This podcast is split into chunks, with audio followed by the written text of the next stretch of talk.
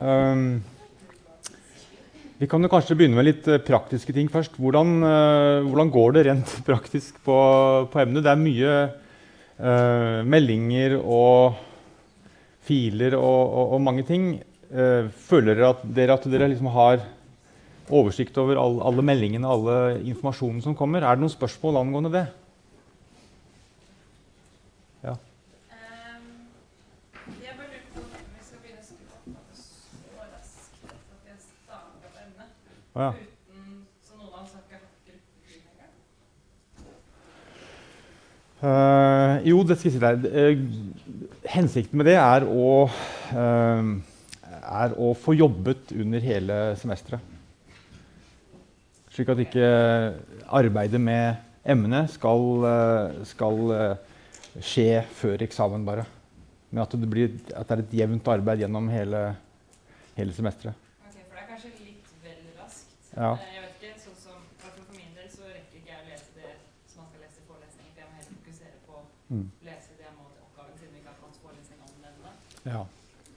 Um, ja, fordi den andre, i den andre gruppa så skal man allerede snakke om oppgaven, tenker du? I den andre gruppesamlinga, eller? Nei, vi skal levere et utkast. Noen skal levere et utkast i morgen, andre skal levere neste eller på tirsdag. Ja, det... Altså, innlevering av første oppgave er jo, er jo 21. februar. Ja, ja det, det er det kan, Jeg kan ikke helt svare på opplegget i, den, i de gruppene. Altså. Eh, jeg trodde det var et utkast til andre samling og ikke til første. Jeg tror det er det, altså. Er dere som har hatt gruppe allerede? Det er, eh, det er, det ikke sant? Det er til andre samling man skal ha et utkast. Hva?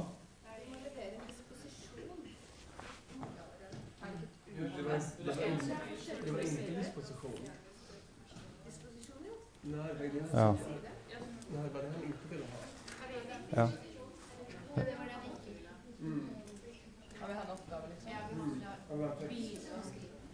Ja. Ok, hva, hva skal du si? Ja. ja. Men det er til den andre samlinga i, i, gruppene? Men er det din første eller din andre samling? Ja, ikke sant? Til den andre. Ja. Ok. Det, vi, vi, jeg tror ikke vi kommer eh, til bunns i det, for det er, det er Thomas som har det der, eh, det opplegget. Uh, jeg trodde det var respons, eller altså en, en, en, en skisse sånn til andre samling, og ikke til første. Men det Ja. Et spørsmål, da?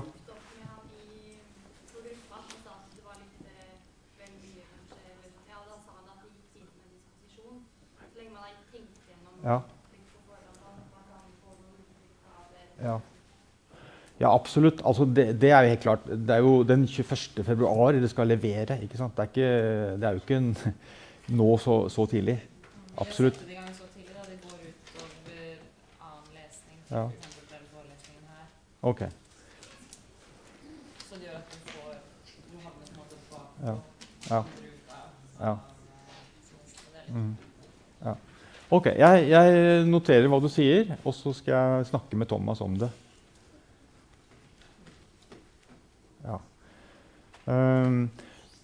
Men altså uh, uh, Følg med på e-poster. Jeg, jeg, har sendt noen e-poster til dere. Viktig at dere følger med på dem.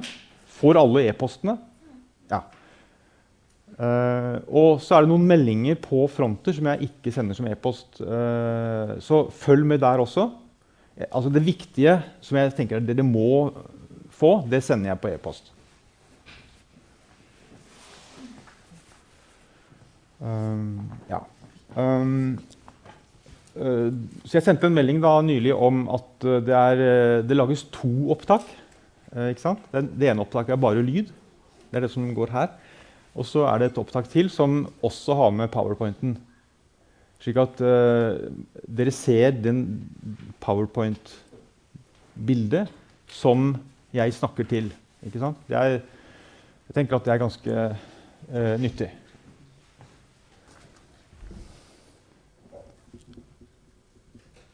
Andre ting?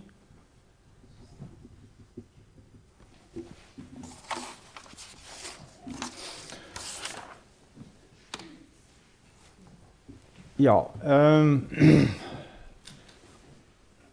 Jeg nevnte forrige gang øh, noe om at øh, mitt opplegg de tre gangene nå, denne og de to neste samlingene, vil være at jeg ikke snakker liksom århundre for århundre, men tar et eh, Altså fra gang, fra gang, til gang. Men velger et område innenfor kirkehistoria og tar og snakker om det for eh, den perioden, eh, for perioden fram til ca. 600. Eh, så i dag så er temaet um, Som dere ser, jeg har kalt det samfunn og institusjon. Uh, jeg hadde historie først, men jeg byttet til samfunn, fordi alt er jo på en måte historie. De neste, neste timene er også historie. Um, men altså samfunn, både det, både det, kristne samfunnet, kirka som et samfunn, med, sitt, med, sin organisering, og også forhold til Eh, det ytre samfunnet, altså det rom, romerske samfunnet, da, først og fremst. Og institusjon. Eh, altså hvordan, eh, hvordan eh, krist, eh, De kristne kirkene er liksom bygd opp struktur, eh, lederskap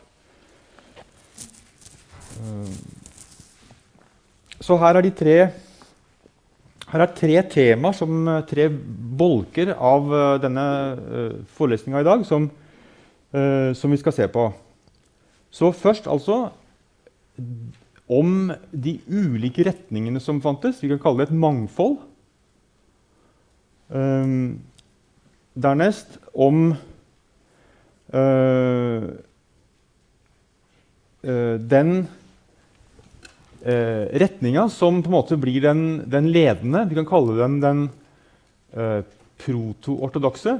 Eh, vi, vi, kommer tilbake til det navnet. Det er Noe av poenget, eller noe av spørsmålet er hva vi skal kalle den. Eh, denne eh, mainstream, eller denne viktigste retninga. Og sist, altså Vi kan kalle det kristning av Romerriket. Altså denne prosessen som skjedde.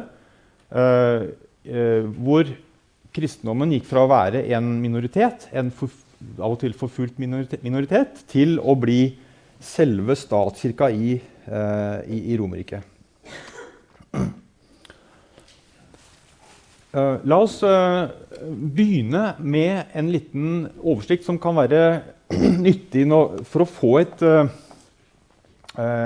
måtte, Få en forståelse av hvor stor kristendommen var. Altså, hva er det vi snakker om egentlig når vi, når vi er på, det, på, de, på, de, ulike århundrene? Hvor, hvor mange gjaldt det egentlig? Uh, og uh, det er selvfølgelig ikke mulig å finne ut et, noe eksakt tall her. Men uh, det er gjort noen beregninger, og én er gjort ved en sosiolog, Rodney Stark, ut fra studier av um, vekst, kirkevekst, altså vekst i uh, retninger i vår tid. Så han har, han har, brukt et empirisk materiale fra vår tid og på en måte anvendt det på den tidlige kirka.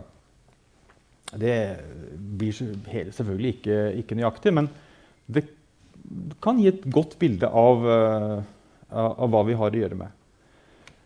Eh, så det han går ut fra, og, og fant ut, kan vi si, uh, var at det gjerne er en vekstrate på ca. 40% per tiår i sånne tilfeller. Altså en, en bevegelse som vokser. Um, og det andre premisset er at, uh, at, at Romerriket var på ca. 60 millioner mennesker. Ok, så Ut fra de premissene så uh, har vi følgende tall. Uh, og det går fra uh, et lite antall selvfølgelig til å begynne med. Men all, ja, og, allerede, og, og, fortsatt i år 100 så er det jo ikke mer enn 7000 og noe, kanskje. så det er jo ikke noen eksplosiv vekst vi har å gjøre med. Og og en ganske liten, unnselig religion. Eller, eller, del av jødedommen, eh, kanskje vi kan si så langt. Fortsatt i år 200 så er det bare litt over 200 000. Uh, men så øker det på, altså. Og vi nærmer oss uh, den prosessen hvor, hvor kristendommen blir statskirke. Og da er det oppe i millioner i år 300. Um, 10% av Romerriket, 6 millioner, er, er Rodney Starks tall. Jeg ser at Lynch, altså den boka uh, her, uh, som vi har som pensum, uh, ikke er så presis i angivelsen, men, men sier sånn fra 5 til 10% og, og hvilket betyr 3,5 til 6 millioner. Så her, Det viser at ulike forskere tenker, har litt, litt ulike tall. Så Uh, dette er jo ikke noe presise tall, som sagt. Uh, og uh, år 350, og her er vi da inne i denne såkalte kristninga av Romerriket, da øker det veldig på, fordi man begynner å få masse omvendelser, og, og, vi er over halvparten en eller annen gang på 300-tallet, eller, eller, kanskje ute på 400-tallet. og den Eh, den fullstendige kristninga av, eh, av Romerriket, altså hvor, man kan tenke at omtrent alle var kristne eh, Omtrent, altså, for det var jo alltid noen som ikke var det. Eh, jødene, f.eks. Uh, da er vi ute på 500-tallet, kanskje. Så 500, kanskje per, per, 600 så er liksom Da er prosessen ferdig. Eh, et lite kart også. Uh, de blå, uh, de blå delene viser områder som var kristne. Det må vel bety at hvis man skal forstå denne her, at, at liksom flertallet, eller, eller, kanskje alle eller mesteparten av, av folka i disse områdene var, var da blitt kristne. Det er, ikke, det er ikke noen store sammenhengende områder, ser vi. Men når vi kommer til altså på det, på det uh, lyseblå, eller hva, heter det uh, Hvilken farge er det, det andre? turkis. Turkis, takk. det turkise viser altså situasjonen på Som jeg sa, rundt, eller henimot 600 hvor omtrent hele Romerriket er, er, blitt kristnet. Uh, med unntak da, av en del av England, ser vi, og, og Tyskland i den grad det er i Romerriket. Uh, og så kan vi merke oss at det er noen områder utenfor Romerriket igjen som, uh, som, er blitt kristnet. Og da uh, tenker jeg på Armenia og Kaukasus-områdene, som ja, i varierende grad var en del av Romerriket, men altså her men, eh, men uh, for det meste utenfor. Og også her de mer syriske områdene i Mesopotamia og, og nedover i, i, det persiske riket. Uh, samt Irland. Irland er jo heller ikke en del av Romerriket. Så det er, det er, noen, det er en viss spredning utenfor Romerriket uh, til, ja, til noen områder som, som, eh, også, som har en ganske spennende historie. Uh, F.eks. De syriske kirkene, eller armenske kirke. Og den irske, for så vidt. Uh, spennende tradisjoner som eksisterer til den dag i dag. Og, og har sine egne, egne, kirker og egne tradisjoner. F.eks. den armenske. Ja, dette mangfoldet, altså. Eh, når vi snakker om dette mangfoldet, eh, så kommer vi innom noen termer som jeg tenker det er ehm, eh, viktig å se nærmere på. En av dem er katolsk. Eh, når vi sier katolsk nå, hva, hva tenker vi på da?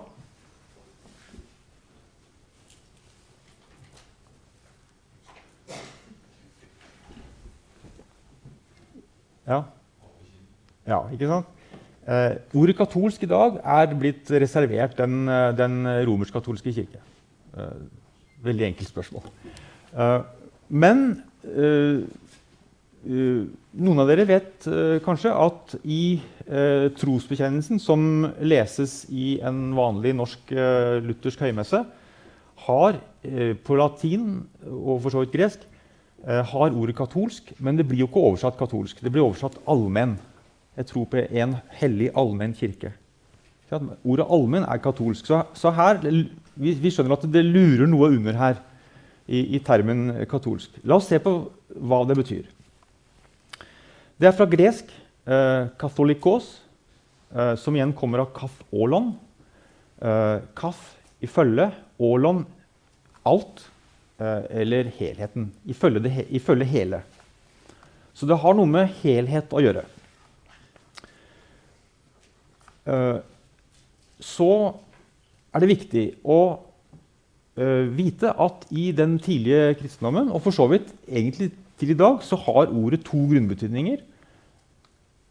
Og eh, det er disse. Den første, den første er den minst vanlige. og den meninga er altså hel og full. En slags kvalitativ betydning. Men den er mest brukt i østkirkelig kontekst. Altså hvis, hvis, uh, hvis, man spør en, en uh, ortodoks uh, kristen i dag hva katolsk betyr, så vil han svare, eller hun Det er en betegnelse for at, at troen eller kirka er, på en måte er hel og full. At alt er med. At sannheten er hel. Sannhetens fylde er til stede, så å si. Eh, men den andre betydninga er uh, den som dere sikkert har hørt uh, mest om. Og det er også den som Lynch, altså den bok, uh, forfatteren i boka her, nevner. Så her har jeg egentlig nå med et lite tillegg, eller en, nesten en korreksjon av forfatteren Lynch. For han har med bare den andre betydninga, nemlig universell. Og det er en mer Eh, kvantitativ eller geografisk betydning. Altså, eh, En katolsk kirke er en kirke som er uh, utbredt overalt. Liksom ja, geografisk. Så begge to er oldkirkelige betydninger. Går tilbake til, til tidlig tid. Men um, de har liksom fått uh, blitt mer utbredt i ulike områder i, i kristendommens historie. Så uh, denne andre betydninga, universell, uh, utbredt overalt, den har jo også med hel og full å gjøre. ikke sant? Så det, er, den er en helt uh, grei og, og, legitim betydning. men altså har en litt annen Det er en helt annen dimensjon på en måte, som, som man er katolsk på. Vi kan legge til en slags variant av denne, eh, denne andre betydninga, nemlig allmenn. Og det er jo den som brukes i den norske oversettelsen. Uh, en hellig allmenn kirke. Og allmenn betyr jo verken det ene eller andre strengt tatt. Altså ikke, den går ikke på, på, på, fylden og ikke på utbredelsen, men at den er, på er for alle. Alle mennesker. Og dette er også en betydning man finner i, i, i den tidlige kirka. Så ordet katolsk har det vi, kalle, det vi kaller polysemi, altså en, en, uh, et mangfold av betydninger. Så ha det i mente når dere ser ordet. Ordet, er, uh, ordet har ulike meninger.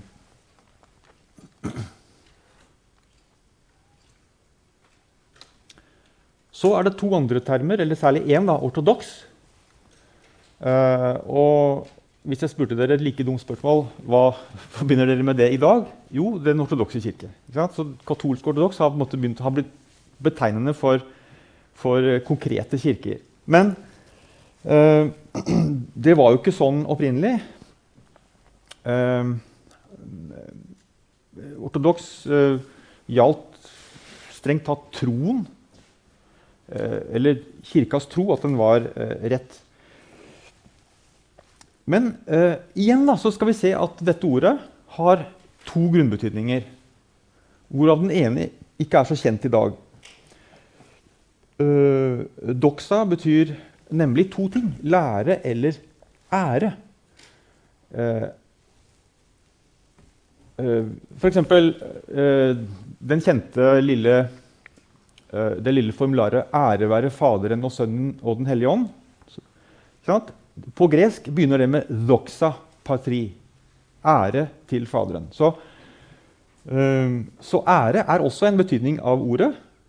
Så ortodoks betyr da enten rett lære eller også faktisk da rett ære. Men hva betyr rett ære? Uh, jo, ære i denne sammenheng er, uh, har en nærmest praktisk betydning. Det går nemlig på æren man retter mot Gud. Altså tilbedelsen, eller til og med gudstjenesten. Rett gudstjeneste, rett, uh, rett tilbedelse.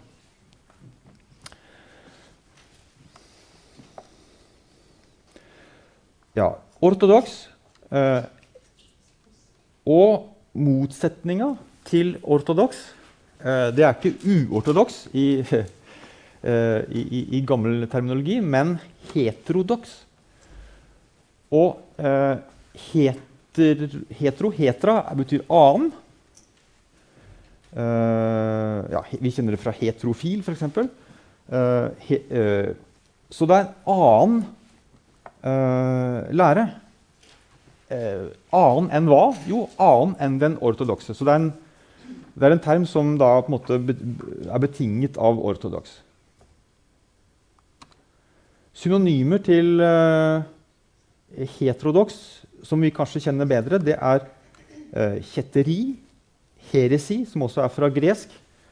Uh, heretikos, og det betyr egentlig en som velger, en som velger noe annet enn uh, den rette læren. Eller vranglære.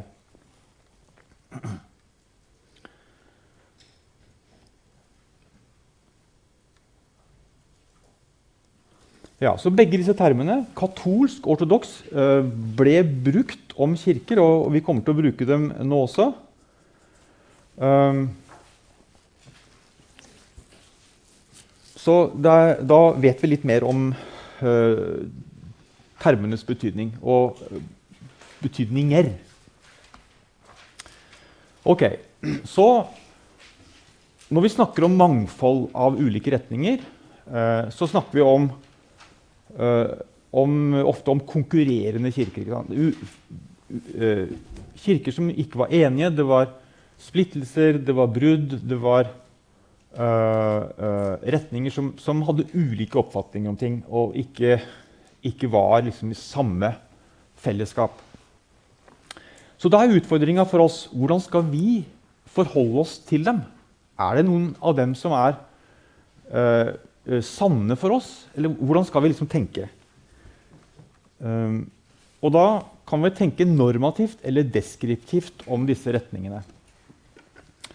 Um, det er selvfølgelig slik at uh, enhver uh, retning vil, vil, mene at den er rettroende. Altså Enhver en kirke og enhver religion vil, tenke at, vil hevde at det, det, det, vi mener, det er sannheten. Eh, altså et normativt synspunkt. Um, og eh, fra synspunktet til de, de, troende i de enkelte gruppene så var det jo selvfølgelig slik at alle var ortodokse. Uh, så det, så det um, um, Og tilsvarende så er man heterodoks eller heretisk bare i andres øyne. I tillegg til det så uh, går det an å se på det deskriptivt, og det er jo det vi må uh, i dette uh, kirkehistoriske emnet.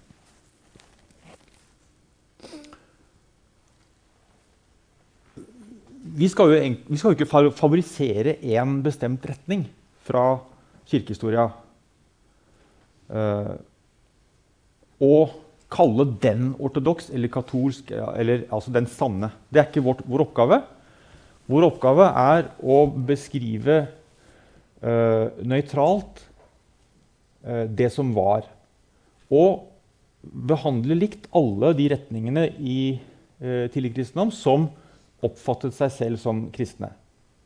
Altså, alle disse skal ha samme rettighet så å si, fra vårt synspunkt til å, til å, være, til å kalle seg kristne.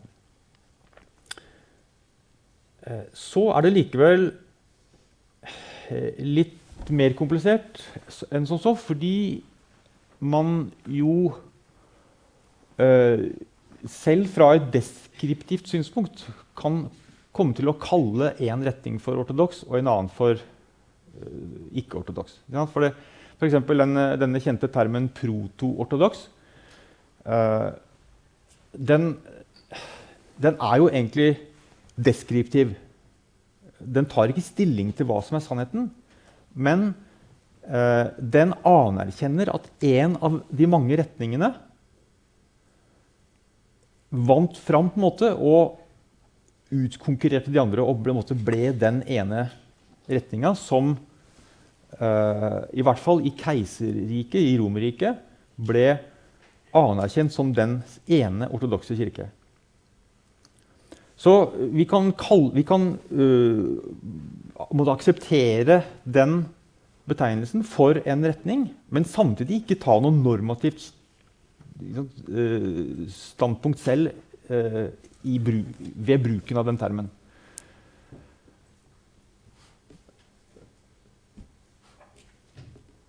Var det noenlunde klart?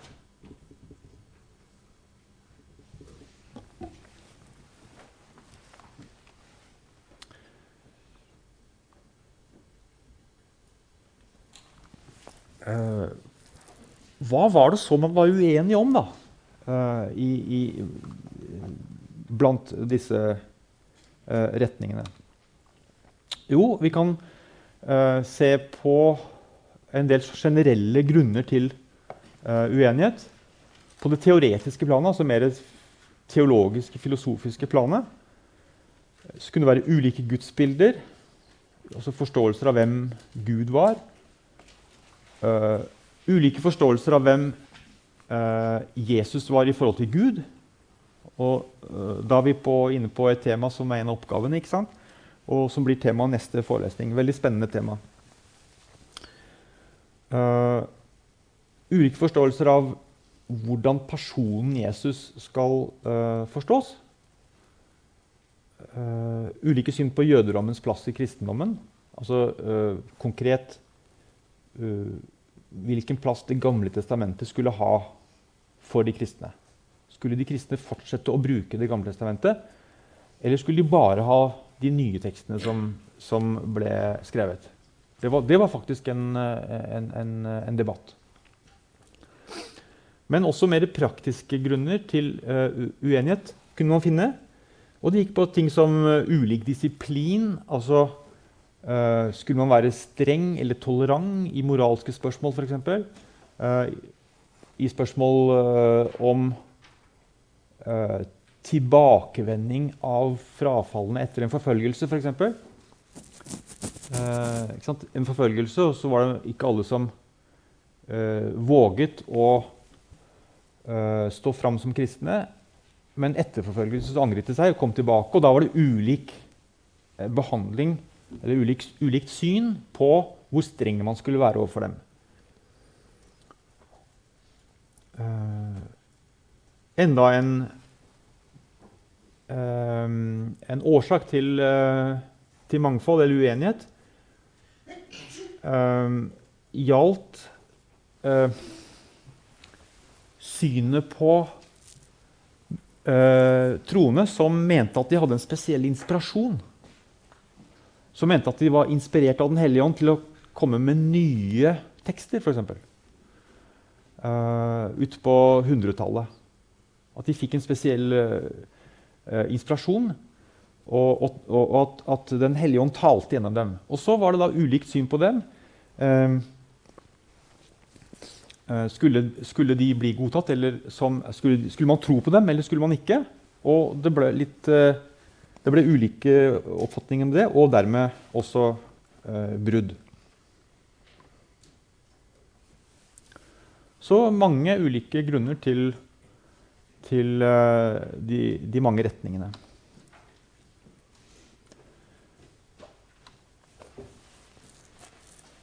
Uh, vi, er fortsatt, uh, vi, er fortsatt, inne nå på uh, en mer systematisk forståelse av mangfoldet, altså av de ulike retningene. Og um, som, uh, som Lynch kommer inn på, så er det um, Man kan si en, en, en, grunnleggende forskjell mellom retningene, eller heresiene, som han bruker. da. Um, Altså, Heresi det var jo vranglære, ikke sant? Heterodoksi. Um, uh, mellom Altså uh, ulike før og etter 300 ca. De som kommer etter 300, nemlig uh, De er betinget av at det nå er stort sett én kirke som er blitt hovedkirke, blitt akseptert som den ene riktige kristendommen, så å si. Og at, er, eh, at de andre eh, eh, heresiene, for å bruke det ordet Da tenker jeg deskriptivt. Altså. Jeg, jeg, understreker det, at det ikke, Når jeg sier heresi der, så er det mer som en som historisk eh, eh, faktum, så å si. At de, de var de sto på siden av, av, eh, av statskirka. Uh, de var mer varianter kan vi si, av den, av den rådende kirka. Det var liksom ingen stor forskjell i organisering, gudstjeneste, fromhet. Men det, det var mer, uh, mindre ting uh, som utgjorde Som var grunnen til at de brøt, da, eller at det ble brudd. Gjerne læremessige forskjeller. Men før ca. 300 så var det en annen type heresier, for å igjen bruke det uttrykket. Uh, og da er liksom forskjellene større. Da går det ikke bare på detaljer i lærespørsmål, men uh, da kan det gå også på uh, helheten i, i den religionen det er snakk om organisering, lederskap, uh, hvordan, uh, hvilke strukturer man finner i den. Uh, forskjeller i gudstjeneste, forskjeller i fromhet. F.eks. En, en veldig asketisk holdning i noen, noen, retninger. så vi skal se på noen av disse retningene, men de, de varte en stund. Altså de holdt ute en stund, men det er klart når når én retning blir statskirke og blir favorisert, og de andre nærmest, nærmest, forbudt, så blir det veldig vanskelig å klare seg. Så de døde ut etter hvert. Uh, for å da se mer konkret på, uh, på det, så um,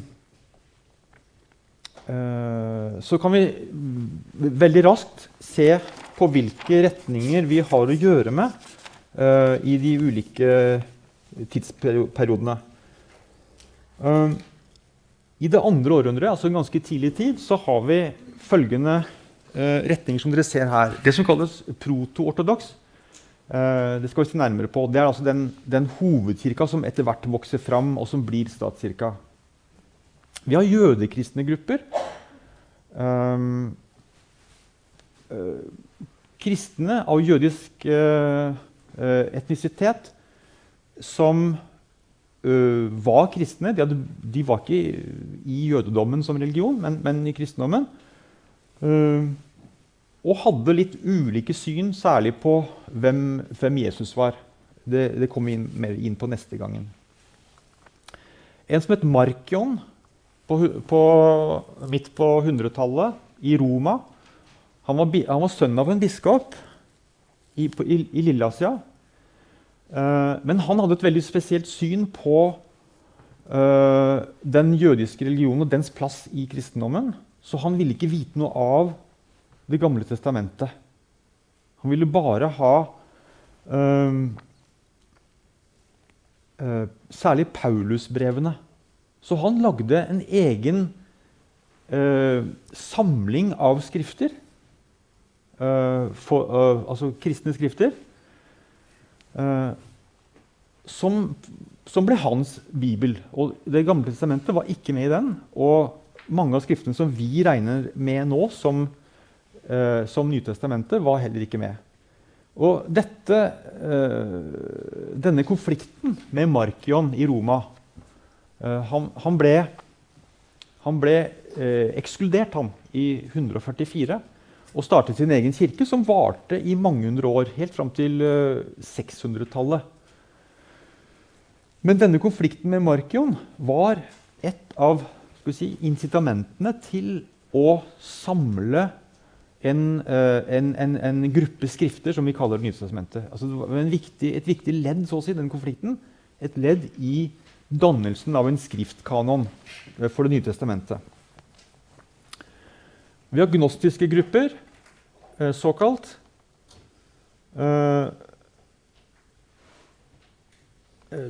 Ja, Vi kommer litt mer inn på det neste gang, men gnostikere det er også en, det er også en omstridt term. For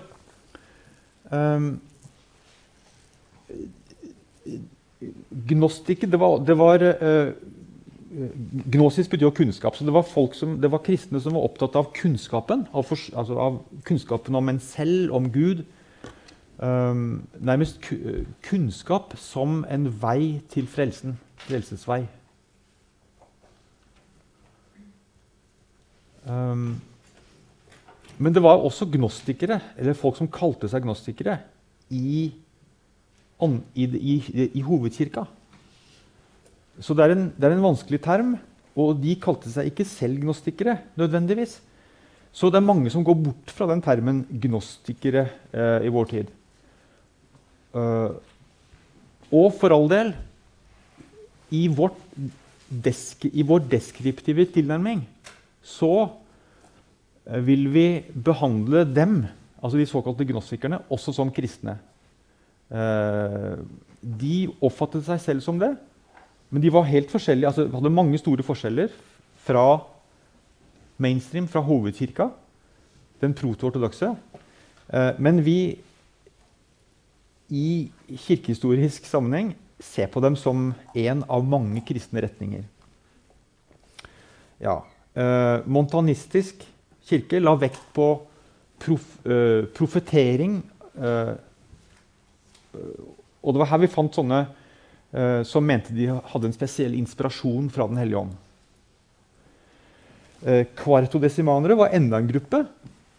Og, og, grunnen til at de var for seg, altså en egen gruppe, var at de hadde nesten litt, litt komisk, de hadde en egen måte å regne ut Eh, påskens dato på. Altså De fulgte den jødiske påskens dato, nemlig en, en, en fast dato, og ikke som vi nå gjør det, nemlig søndagen etter den jødiske påsken. Så det var nok da, tydeligvis til å danne en helt egen uh, gruppe. Ja, også på 200-tallet så finner vi ulike ulike retninger fortsatt. Og de, de, som vi nettopp har sett på, de fortsatte jo. Uh, de fortsatte jo, Så her, her, er det snakk om nye retninger fra det, fra det tredje århundret. Manikeismen, en slags gnostisk retning. Eh, Augustin for eksempel, var jo eh, en periode eh, manikeer.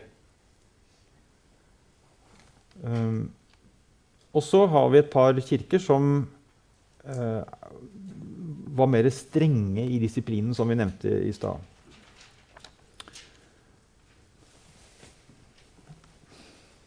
En del av mangfoldet er jo da eh, gå på kjønnsforskjeller.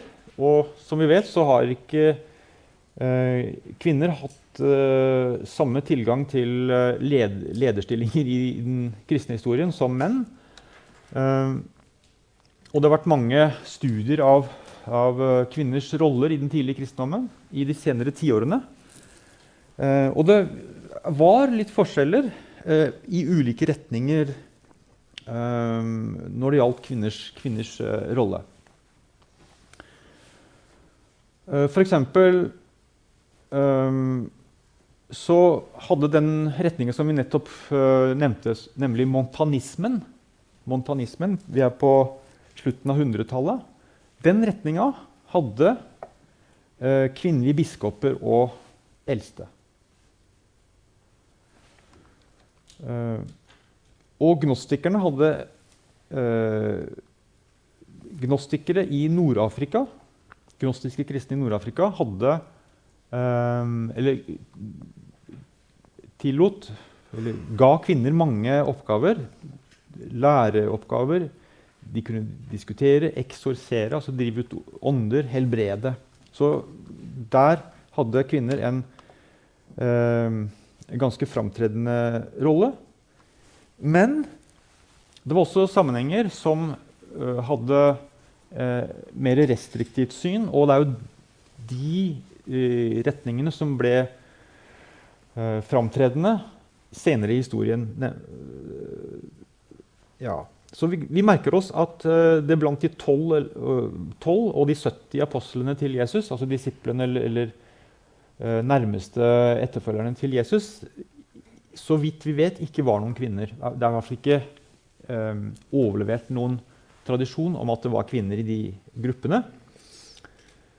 Uh, Paulus sier jo i Det nye testamentet at kvinner skal tie i forsamlingene. Uh, altså han, han, er, han, har et ganske ja, restriktivt syn på kvinners funksjon i, uh, i gudstjenestene. Og det som da skjer, er at i den proto-ortodokse eh, retninga, den hovedretninga, så eh, er det ikke kvinnelige biskoper eller eldste, altså prester. Det vi finner, er eh, kvinnelige di diakoner, altså diakonisser. Eh, så det har det vært eh, gjennom mange århundrer. Kvinnelige diakoner. Eh, egentlig aldri opphørt det, det embetet.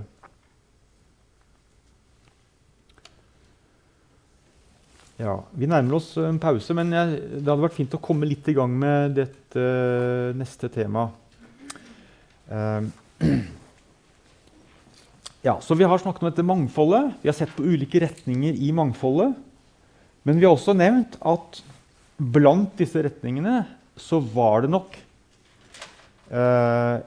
én retning, eller ja, hvor homogen den var, kan jo diskuteres. Men altså, vi kan skimte vi skimter konturene av liksom hovedretning blant, blant, alle retningene. Og det er den som øh, øh, Ja.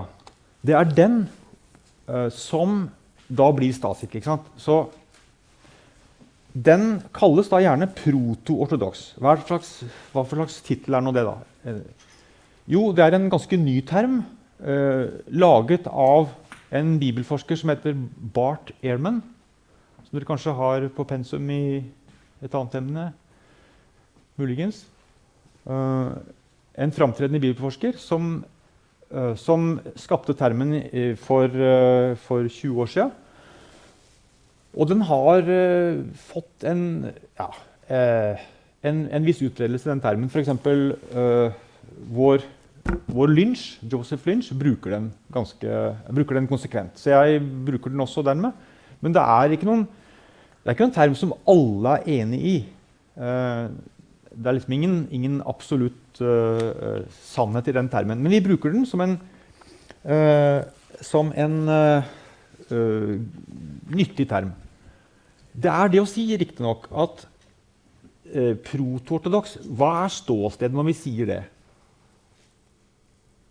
Altså, hvor, når, vi, når, vi, kaller noe proto-ortodoks, hvor står vi da og ser? Liksom? Hm?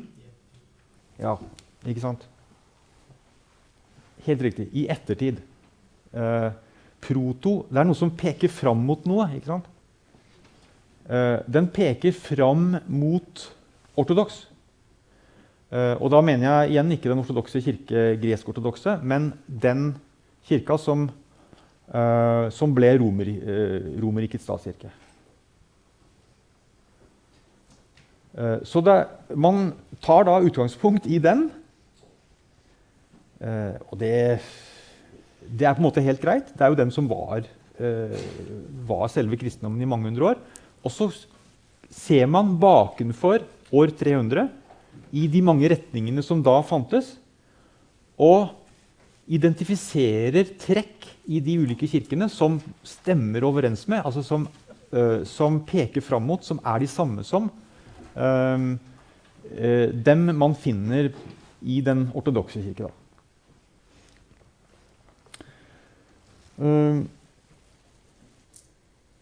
ja Men det går an å kalle den eh, katolsk også. Eller oldkatolsk er en annen betegnelse som har vært brukt en del, men ikke så mye nå. Um, det er også en sånn eh, foregripende term som peker fram mot noe som, som kom seinere. Ok. Um, ja, et, da kan vi ta en pause på et kvarter. Og så fortsetter vi med dette temaet etterpå.